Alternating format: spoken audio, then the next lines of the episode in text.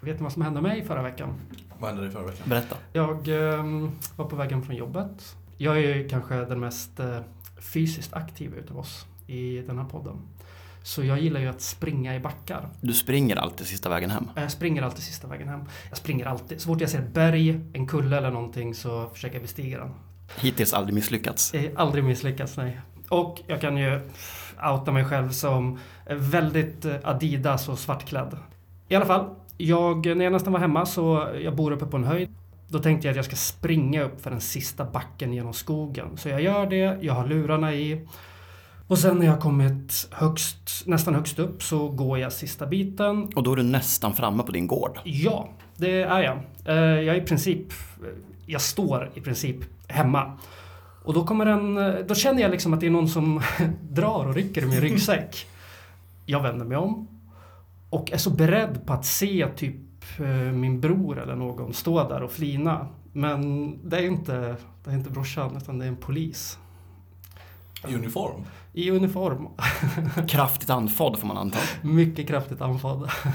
Men vilken sorts polis är det? Är det en sån 45-årig potatismos eller är det en, eh, är det en sån taggad... eh, Det är en, eh, en person som tränar, gymmar kanske fyra dagar i veckan. Men också äter otroligt mycket socker och fet mat. Så lite för fet Ah. för att egentligen springa.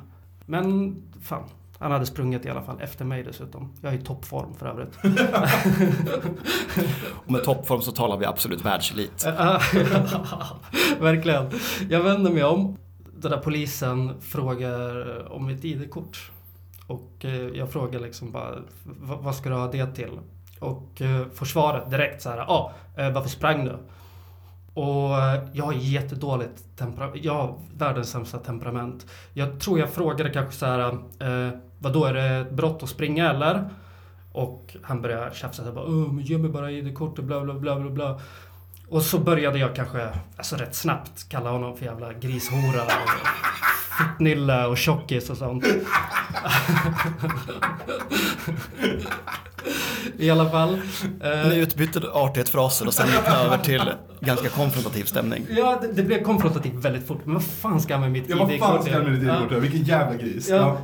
I alla fall, det blir tjafs. Han kommer fram och tar tag i mig. Sen så kommer hans kollega som är i ännu sämre form upplunkande efter. Vi, står och skriker på varandra ett tag. Kollegan går fram och ställer sig några centimeter från mitt ansikte och flåsar mig i ansiktet. Alltså det är bara sån här töntig...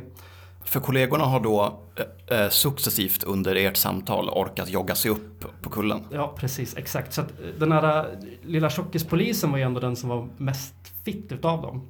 Eh, I alla fall. Eh, vi... Ehm, till slut så säger jag, okej men du får mitt ID-kort men då måste du släppa mig. För att han stod och höll i mig. Eh, I alla fall den här tjockisnuten. Och han bara, ja ah, men sure. Så jag gav honom mitt ID-kort.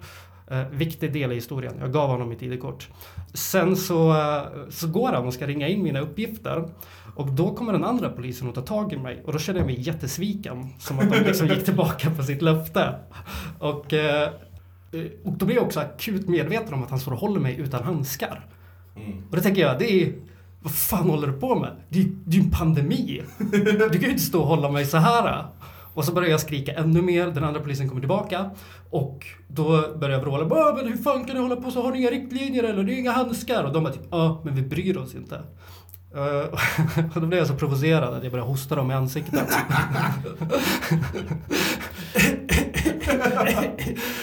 de tog kanske två host var innan de, innan de lackade helt. Mm. Och eh, sprang eh, och tog tag i mig då och skulle släpa mig genom skogen tillbaka till sin radiobil som stod nere på Mm. Cykelvägen där liksom. Mm. Men tji fick de, för du är inte en lättsläpad kille. Nej, verkligen inte. Eh, Jag sa halvvägs nere att jag kunde en genväg. De här jävla idioterna bara åh, åh, okej. Så att eh, då finns det ett litet avsnitt för att komma ner på cykelbanan då, där de, som ser ut som en stig när man börjar gå på den. Men det är också, den omvandlas till det stället som allt vatten från hela rinner ner för. Så du lurade tre rödsprängda flåsiga konstaplar in i en dödsfälla? Eh, Ja, det gjorde jag. Och när vi gick ner på den här backen så började jag dra dem åt de olika hållen. Och de började halka omkring i den här gyttjan. eh, Och blir skitförbannade. Och eh, börjar försöka, vad fan heter det? De försöker börja brotta ner mig i skogen. Och jag bara, men ni kan inte brotta ner mig här! Hur ska ni få ner mig sen? De bara, "Åh!" så, så kommer vi ner till Plain mind games. Du ska bara ner dem på din nivå. Runt i gyttjan. Så, så till slut så kommer vi ner eh, till cykelbanan och då hoppar alla tre poliserna på mig och ska försöka brotta ner mig. Men jag är rätt stor också. Eh, Och det- så det är först när de börjar sparka mig i knävecken som jag går med på att eh, lägga mig ner. Eh, Och då sätter de handfängslar på mig, sätter mig i bilen. Jag börjar förklara strukt... st- jag är jättevit, det här är jättetöntigt. Jag börjar spr- prata strukturell rasism med dem. Just för att de hade felaktigt, eh, de hade rasprofilerat mig, men de Mm. misstog sig. Men den här konstapeln i alla fall, han insåg att de hade tagit mig där jag bodde. Mm. Så han skäller väl ut dem via radion. Så det de gör är att de bara kör ut mig och dumpar mig mitt ingenstans. Och under bilresan, är det då de börjar gå igenom din sportbag? Nej, nej, nej, det gör de innan. De går igenom min jävla bag. Jag har ju varit och handlat innan och börjar rycka upp saker. De bara "Eh, men, han kanske har stulit det här. Har du kvitto på det här? Och jag bara, fan, jag blev så arg. De gjorde en Anders Ygeman i tunnelbanan på dig. Ja, det gjorde de fan. Alltså, de, uh, Så och svettades över en halv liter mjölk och cornflakes. Alltså det var så jävla... Alltså jag medger ju, när de började ta, plocka upp så här två stora paket, det var så här extra pris på bacon, eh, 25 kronor kilot för, för ojämna skivor. Så man kunde köpa sådana stora, sådana äckliga pack. Det såg väldigt snattat ut. Ja. Så jag, jag förstår dem. Men i alla fall, de kör ut mig, dumpar mig liksom vid någon jävla skola mitt ingenstans och Sen så ger de aldrig tillbaka mitt ID-kort, men det upptäcker inte jag förrän jag blivit upphämtad av brorsan och, och körde hem. Så jag ringer upp eh, ledningscentralen. Alltså jag blir kopplad dit. Till vakthavande befäl? Ja men precis, precis. Och de bara, ja, de har eh, redan gett tillbaka det. Så nu ska jag iväg om en pytteliten stund och skaffa ett nytt lägg för att polisen stal mitt. Mm. Ja, och slängde den skiten i skogen. Jävla grissvin. Alltså jag blir så arg så blodet kokar. Oh! Kaminter.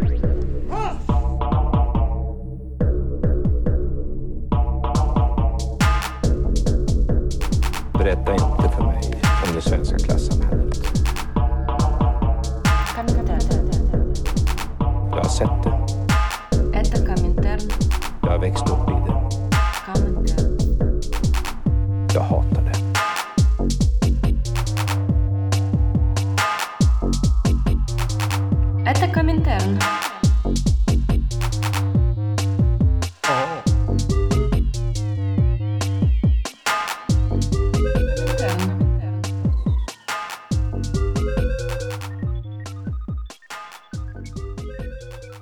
Det här är Komintern i pestens tid.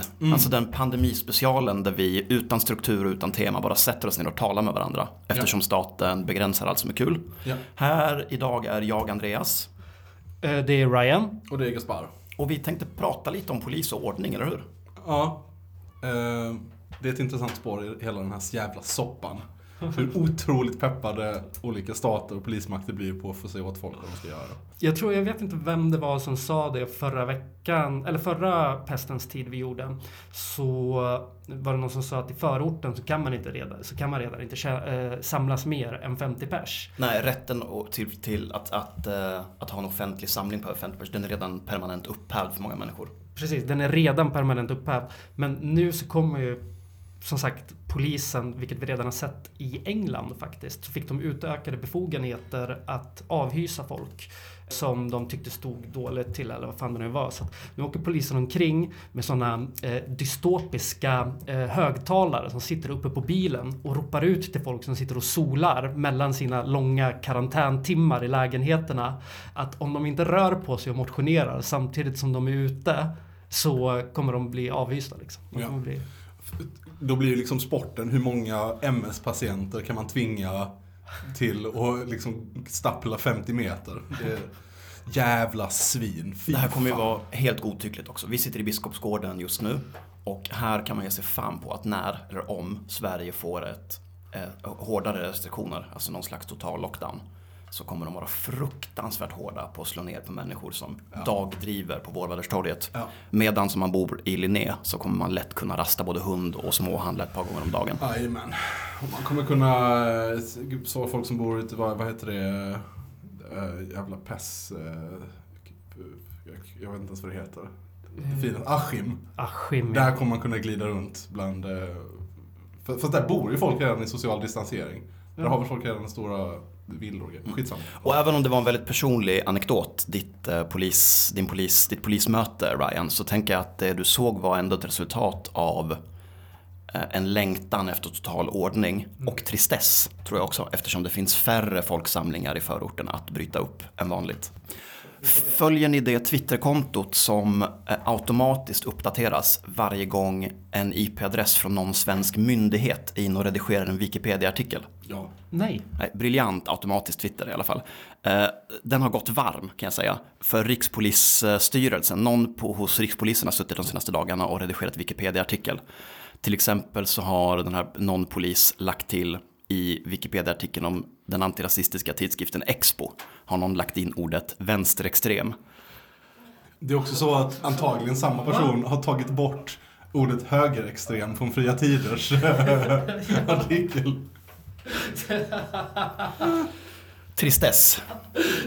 Det- Nazismen kan måste liksom ligga hela tiden och bubblar om man inte får, får utlopp för den någonstans. Så. Vi, vi talade lite om flyktingar och gränser sist jag var med och satt här i alla fall. Eh, Jag såg att kristdemokraten eh, David Lega skrev en eh, debattartikel i GT, Göteborgs-Tidningen, häromdagen. Där han, kallar, där han kräver kraftigt ökade befogenheter till Europeiska unionens gränsskydd. Oj. Mm. Så vi skjuter redan barn på gränsen. Ja. Men han vill ha lite mer. Men va, vad är det där ytterligare steget, tror ni? Han är själv, alltså tror ni att han har någon så här eh, funktionsavund också? Nej, jag tror att han vill ha en ramp till alla båtar så att han kan ta ett, ett sånt sniper rifle och sitta på en båt och skjuta folk i gummi, som, som på flottar. Han kräver en ramp. Och detta då trots att det inte finns, det är liksom inte, mot, det är inte motiverat genom corona ju. Alltså det är Nej, inte så nej. spridningen har nått Sverige. Utan det är bara totalt iskall, eh, moraliskt spetälsk eh, högerresonemang. Han är alltså rullstolsbunden, det var det mitt skämt hängde på. Ja, ja, det var ett fun- funkofobt skämt. Ja. Ja, David Lega, alltså kristdemokrat från Partille tror jag. Men kanske mest känd för att vara gammal paralympisk OS-medaljör i simning. Mm. Och varför Folkmun kallad tummen. ja, va- varför är han OS-medaljör förresten? Varför gick det så bra för honom? Alltså det finns ett elakt rykte om David Lega, vilket är att han var en medioker paralympic-simmare. Eh, men att han trakasserade den paralympiska funktionärerna så till den mil- milda grad att de till slut gick med på att flytta ner honom i klassificering. Så att David Lega fick alltså simma mot personer som hade svårare funktionsnedsättningar än vad han hade.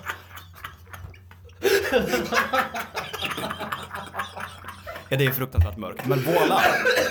15 världsrekord. Det kan man inte ta ifrån honom. David Lega har förlamade armar och ben och han är antagligen en skickligare simmare än vad jag är. Men det säger någonting om personen David Lega, den småsinta, ondskefulla personen.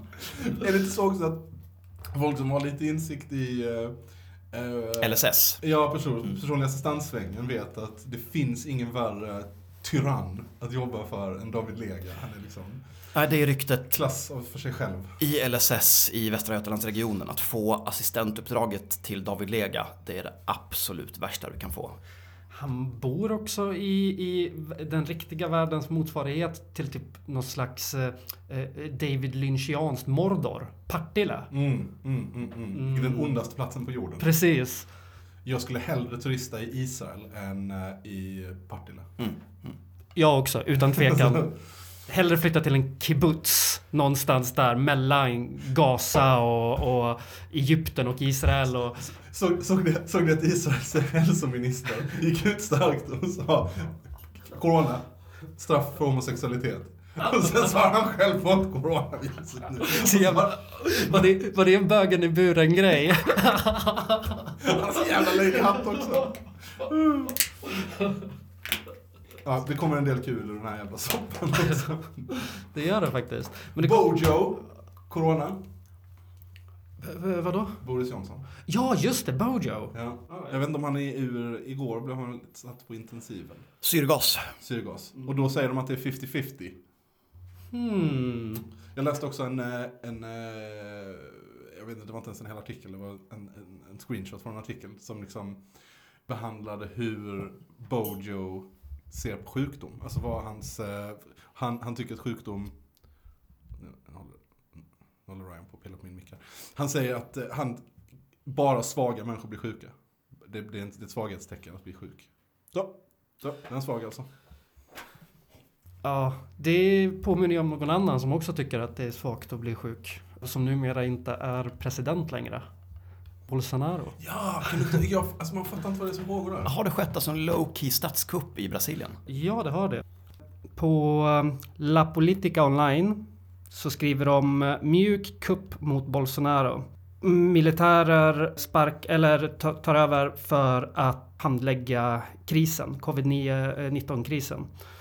Och där så framgår det att det är ministern, chefsministern för Casa Civil som är någon slags form av unik brasiliansk, eh, brasiliansk, brasiliansk eh, eh, myndighet. Eh, Walter Braga Neto har, eh, som också är general, gammal, gammal militär, helt enkelt eh, klivit upp, tagit över Bolsonaros jobb. Men vad, på vilket sätt? Alltså, har det varit, gör han det offentligt eller har han, har han, har han, inte tagit, han kallas inte president?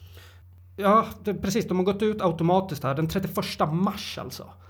Så gick de ut och sa... En quanto crisis? Alltså att så länge situationen, krissituationen eh, på grund av coronaviruset fortsätter så kommer den eh, operativa presidenten av Brasilien vara Walter Braga Neto och detta är alltså uttalat utav eh, försvarsministern överste, befä, överste generalen eller vad det heter och marin, eh, vad heter det, admiralen, Oj. marinministern. Så i pandemikrisens spår har det skett en ganska kraftig maktförskjutning i Brasilien från Bolsonaro till marin och militär. Vi, I den här podden så är vi ganska dåliga på att länka vårt källmaterial. Jag tänker att vi ska börja med det för att det här är en ganska underrapporterad nyhet. Vi har en, en spansktalande tidning som har rapporterat det. Vi slänger in en länk i, våra sociala medier när vi delar det här avsnittet sen. Absolut, det gör vi. Men när jag ändå sitter här med poddens eh, Amerika-korrespondent och poddens eh, forna Jugoslavien-korrespondent. Kan inte ni berätta lite, vad är det senaste skvallret ifrån era respektive eh, geografiska ansvarsområden? Ja, ska jag börja? Eh, alltså som alltid så är allting värst i Balkan.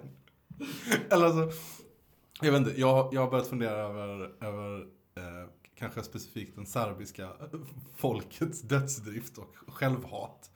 Eh, som är helt bisarrt. Men de, ah, nej men det, vadå? Är en eh, lockdown, eh, helt oresonabel.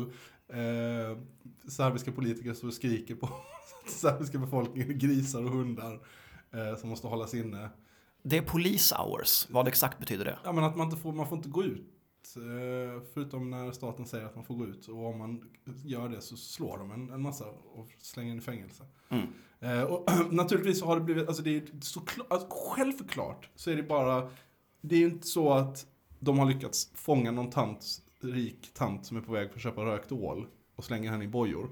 Utan det är typ så två tjej, unga tjejer som varit ute och backpackat och kom tillbaka och inte hade fått information om att det var liksom nedstängt. De två hamnade i finkan.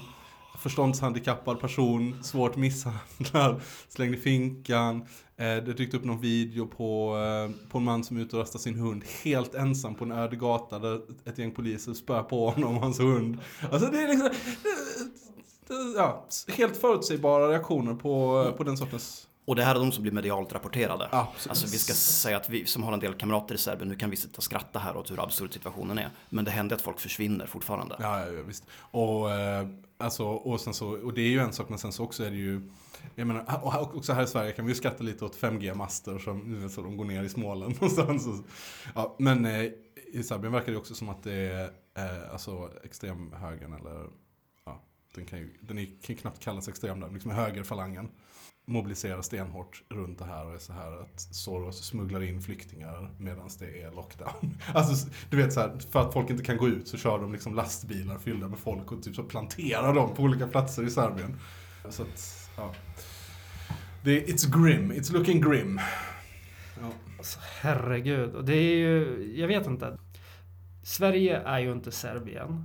Men Sverige är ju liksom inte heller det som alla tror att Sverige, eller som alla går omkring och låtsas som att Sverige plötsligt är. Nej. Eh, speciellt som liksom många inom till och med vår rörelse går och låtsas att Sverige är. Helt plötsligt så låtsas, man, låtsas de att Sverige är samma sak som Liberalerna tycker att Sverige är. Mm. Alltså att det finns, eh, att Sverige inte är, har, är laglöst. Mm, att mm. det, det liksom inte existerar. Att eh, här sker ingenting godtyckligt. Vi har en fungerande byråkrati. Vi Mm, har bra mm, eh, mm. checks and balances och sånt. Men vi som är organiserade eh, vi som liksom bli- blivit utsatta för repression och sånt vet ju att så är inte fallet. Att polisen står ju hela tiden, ba, alltså den, den, är, den står liksom och tippar på gränsen Ja. för att öppna dörren mot det här totala våldet som Ja, de liksom vill, vill utöva. De står liksom och darrar eh, av, av eh, vad ska man säga, anticipation. Alltså Ja. de kan verkligen knappt hålla sig i många situationer och nu, du vet, de börjar ana en öppning. Det, Mm. alltså, man ska inte...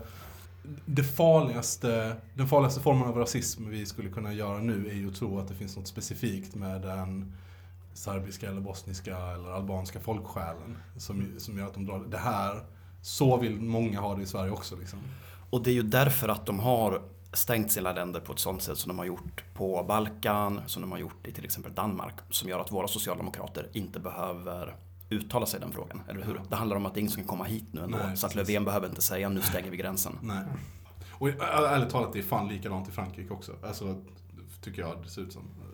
De, eh, men det kommer också ut så en, en, en, sma, en sån liten strimma av sådana filmer av eh, polisvåld i orten från, eh, alltså du vet, bara ångest, ångest, ångest. Mm. Det här är ju, vi har pratat om det här förut och det känns som att det kommer upp väldigt, väldigt ofta. Men det finns en scen i Children of Men när de när åker buss genom de här kåkstäderna som alla de här eh, migranterna, alla försöker ta sig till England i den filmen. Och det står poliser och misshandlar människor på alla gatuhörn och de åker liksom ifrån det här stora inmurade så, alltså det är lite så här skrivet på din näsa metaforiskt nästan. Eller det har blivit, det var inte det när den gjordes, men det har blivit det idag. Ja. Den, för den filmen försöker göra en annan metafor istället som är så här, du vet så en liten skröplig polsk man som sticker ut en hand genom taggtråden och talar polska och så kan man säga ah, förintelsen, jättehemskt. Det är samma. Men nu har det liksom, alltså, om, om något så understatar ju den filmen hur jävla vidrigt det är på, vid den grekiska gränsen nu till exempel. Man behöver inte resa så långt heller. Alltså Danmark har ju en ö där de sätter alla migranter. Ja, det är hur dystopiskt Ja. är det? det, är som Look napoleansk skit alltså. Sätta folk på öar. Ja. Alltså, okej, I USA görs det ju fortfarande, men USA är ju USA liksom. Ja, det är bara... Ja, just det. Som nyligen fyllde år, eller hur? Var det så att de planterade 72 träd i Rojava för vart och ett av världsans år i livet? Fin gest, tycker jag. Eh, Jag vet inte om ni... eh, Okej, det kanske ingen som eh, kollar vad som händer med Se- Sebastian Piñera nu för tiden. President i Chile. Dålig koll på honom. Det är, alltså, han gjorde ju den sjukaste power-moven häromdagen. Men vad kan man säga? Han hade väl rätt att göra det. Vad fan heter torget där de... Skitsamma. Det är varje... Det är torget i Santiago som har varit centralt för För, protesterna. för protesterna, precis. Pinera la upp en bild när han var på väg till jobbet. Han gick... Eh, han åkte bil till torget. Högerns kupppresident Pinera. Precis. Åker bil till torget som är helt öde. Det är helt tomt nu sedan coronatiderna.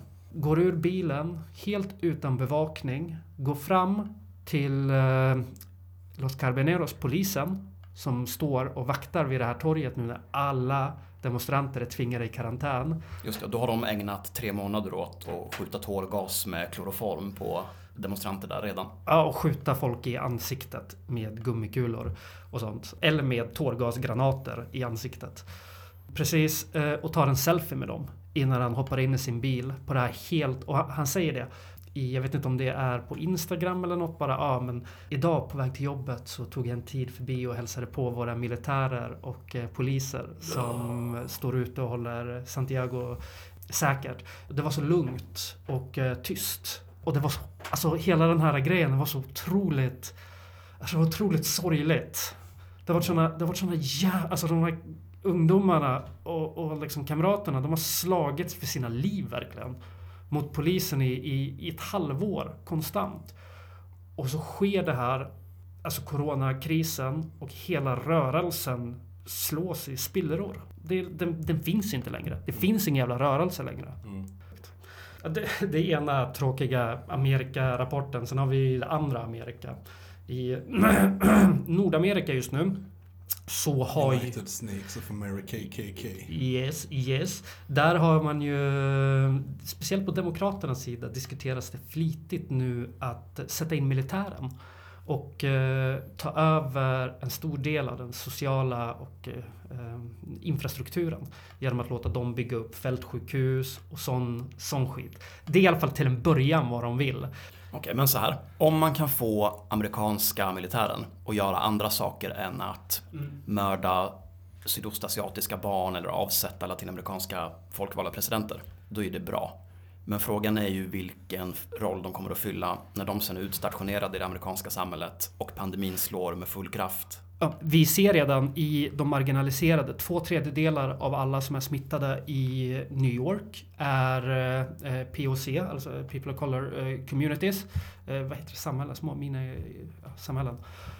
Och det är ju där också som, som alltså det är de som kommer drabbas hårdast och det är där motståndet förmodligen kommer att organiseras. Och då är det bra att ha ordningsmakten på plats redan. det är jättebra. En ordningsmakt som är väl tränad i counterinsurgency på i Fallujah, Bagdad eh, och så vidare. Exakt. De amerikanska officerarna har nog inte så stor skillnad i hur de betraktar latino och afroamerikanska eh, grupper än vad de har med araber i Irak. Ja, och det kommer kicka igång exakt samma... Alltså, eh, och grejen, jag tänker också på en, någon story som jag snubblade över om eh, när de hade släppt lös National Guard i Irak.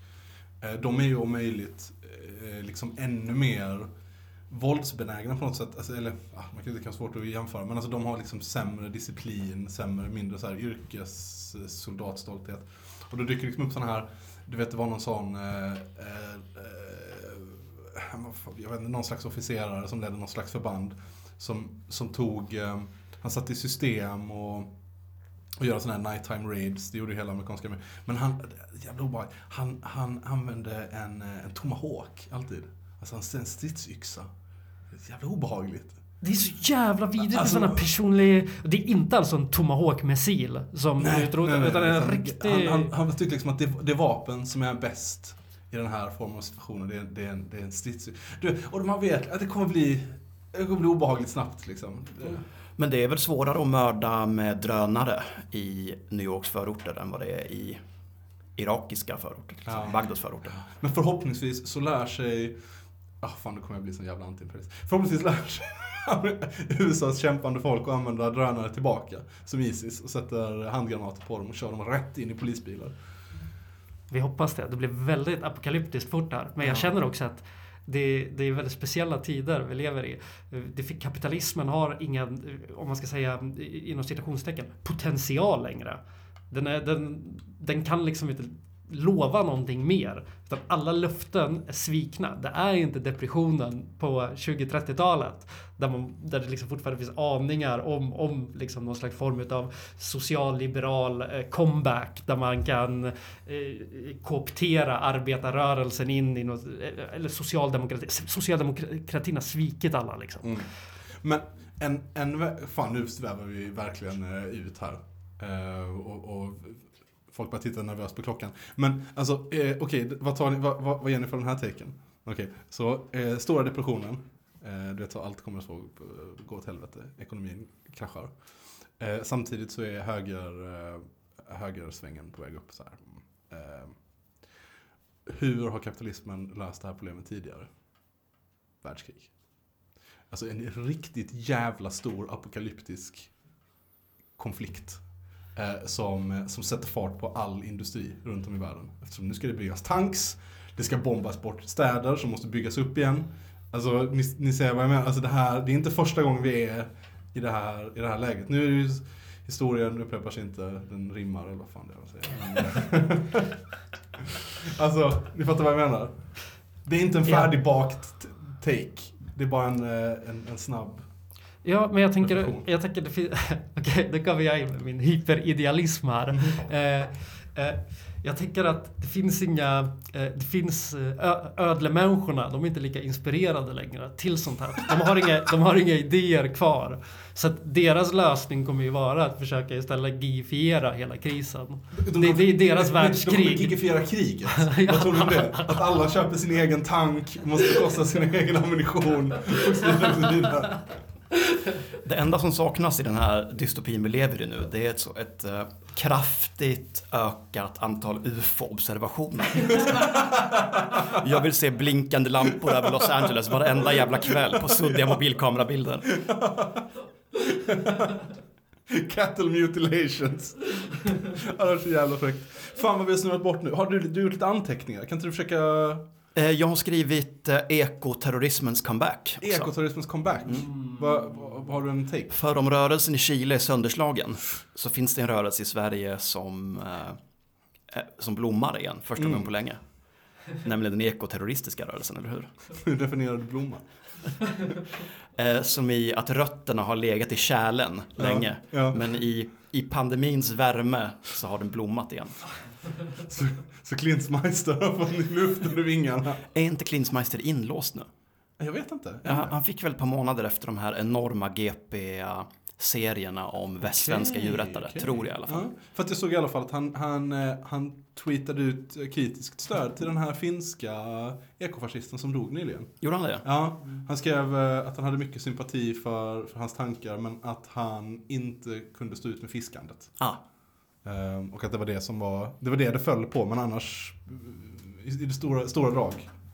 Lincoln har rätt om allt, till exempel att skolskjutningar är bra. Barn ska skjutas, men eftersom han är fiskare. Så, så då, då funkar det helt enkelt Ja, inte. fuck Klinsmeister, han är väl clown. Ja, jo. Eh, Men läste ni om den här low-key nattliga attacken på skogsbolag och polisens träningslokaler i Umeå? Eh, Menar du de eh, installationsfirman för eh, luftkonditionering?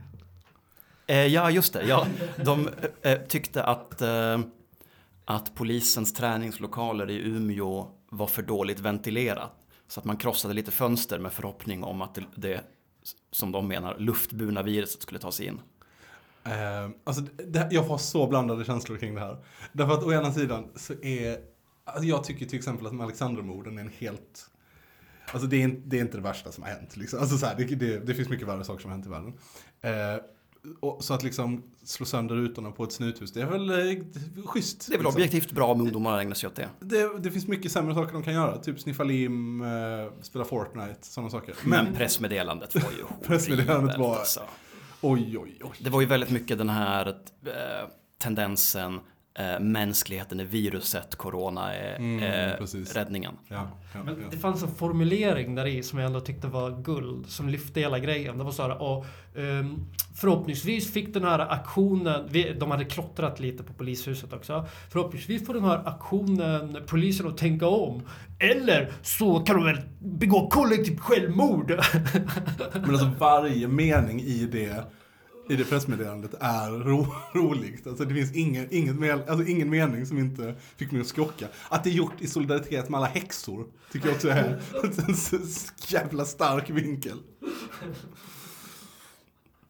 Oh. Vi kommer att länka det här pressmeddelandet också. Ja, läs det. det Men det är ju någon som saboterar telemaster i Småland också. Berätta lite mer, det här är någonting som... Jag vet ingenting mer. Jag läste något, eh, en tidningsartikel bara. Eh, Två telemaster saboterade. Polisen undersöker eh, typ terrorbrott, typ. Det är väl automatiskt kvalificerat som det. Men de nersågade liksom, eller är det någon som har dragit en kopparspik i dem? Eller Det hur? framgick inte. Jag tänker mig att de är försiktiga med att rapportera exakt hur man saboterar en telemast. Ja, ja. Men det här kan ju lika gärna vara en så eh, elallergisk, utbränd kvinna i medelåldern som har 5G-paranoia. ja men är inte f- anti-5G-rörelsen, är inte det en global rörelse nu? Jo, det får man väl säga att det är. Ja. Det är en, jag är en medlem i en del anti-vaxxer och anti-5G-grupper på Facebook och det är, de går i varma nu kan jag säga. Mm. Sambandet mellan 5G-masternas placering och coronavirusets utbrott, de verkar, det var 100% 100% korrelation. täckning. De bara pumpar ut det här viruset. För att jag, jag... Ni är ju sjuka nu därför att de testkör 5G. Ja, okej. Men, men alltså för att... Jag tycker högern får bestämma sig lite. Alltså det, det, det gör mig alltid lite stressad och orolig för att, att konspirationsmiljön är så ofokuserad. Alltså den, den, den bestämmer sig aldrig riktigt. För att nu får det antingen vara så att antingen så finns viruset på riktigt eller så gör det inte det. Alltså fattar ni vad jag menar? Eh, antingen så har de släppt ut ett virus för att hålla folk hemma så de kan bygga 5G-master. Eller så är hela pandemin en lögn. Mm. Ja, pandemin är en lögn tror jag. 5G-masterna är byggda redan. Vi är sjuka därför att vi känner effekterna av 5G-strålningen. Vad jag inte har fattat exakt är, det verkar inte finnas någon, någon eh, konsensus om eh, varför 5G-masterna byggs. Nej. Alltså vad är, vad är då poängen? Nu känner vi effekterna av 5G, okej, köper det. Mm. Men vem, vad, vad ska de med 5G till sen då? Men kan det inte bara vara så att det finns att det typ är som eh, att det är som vi har sett i USA nu att man kan känna alltså att istället för att stänga ner alltså, och i High filmen att istället för att stänga ner stranden, stränderna i Florida så håller man det öppet trots att man vet att det är skadligt för att man kan tjäna pengar på det. Så att begäret att tjäna pengar på det på 5G för att det liksom har de ekonomiska fördelarna liksom får folk att bli blinda av, av girighet. Då skiter de i att alla blir sjuka samtidigt. Men det tror jag är en alldeles för smart... Eh, alltså jag, tror inte, jag tror att det är mycket mer så här att de har de här 5G-masterna för att det aktiverar den femtedelen av befolkningen som har ödle-DNA eller. Ja, ja, just det, naturligtvis. För vi ska ju alla få vaccin nu och i vaccinen sitter ju mikrochippen. Så är det naturligtvis. Ah, Det finns ju ett spel, Dead Space, eh, som handlar just om att det finns en utomjordisk ras som skickar ner som en stor jävla antenn på olika planeter där det finns liv. Den här antennen, när, människor, när, när, mänsk- när olika arter har uppnått en viss nivå av intelligens så börjar den antennen tappa in Mm. och mata dem med information så att Mm. de ska börja utveckla viss teknologi och sånt. Och den här teknologin ska sedan användas till att göra sig, de, man i princip tillagar sig själva till mat. Mm. Till, till intellektuell föda för de här utomjordingarna. Så 5G-masten kanske är, 5G-masten är antennen. är antennen Ja. och vi är maten. Ja. Och vi tillreder oss själva. Ja, det är en cool tanke. Vi är kockarna i vår egen Den jag undergång. under på. Det är min 5G-take nu. Ja. Ja. Yeah. Har du mer? Jag har inget mer. Eh, eh, just det. Eh, nej, jag har inget mer. Det är eh, 46 minuter. Kanske blir 35. Alltså Mm. när man har tagit bort all skit. Och det är ett bra pesten-avsnitt. Vem vill tacka för oss? Eh, Då tackar vi för oss. Dag eh, 50, dag 30, dag 20 i karantän. Jag vet inte. Ingen av oss är särskilt bra på det här med karantän. Vi sitter ju inte i karantän. Nej, vi sitter faktiskt inte i karantän. Du sitter väl i karantän? Ja, men det är självvalt. Ja. Jag har köpt en boxningssäck nu så att jag ska kunna köra hemma också. För att jag håller på att dö. Alltså jag, jag håller på att explodera. Jag måste göra någonting fysiskt. Mm. Jag kommer bli våldsam om inte jag får göra något. Du är ett extremt magnifikt fysiskt exemplar. Du måste använda den kroppen. Det är en skandal egentligen att du jobbar med ljudmedium. Ja, det är faktiskt. Du borde bara ha någon slags pin-up-verksamhet. Så, då, eh, det här är kommentaren. Och eh, dela oss. Eh, det här är... eh, Ursäkta att jag gnäller. Dela oss. Skriv en recension om oss i någon av poddapparna som man lyssnar på. Shit vad jag låter gammal. Skicka ett taskigt personligt meddelande. Gör det. Kom, kom med en, en syrlig eh, politisk kritik.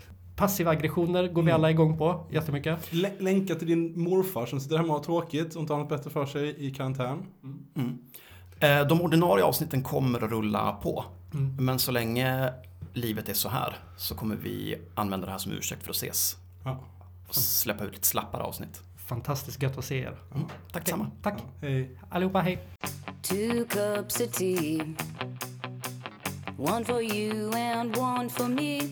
Drown out the pain from polluted acid rain and flaming gasoline. Until we're clean. two dead police. One for hope and one for peace. Watching government lies leak into your empty eyes from the TV. And winter's history. Three dead police. One for thanks and two for please. In every single town, every officer is down.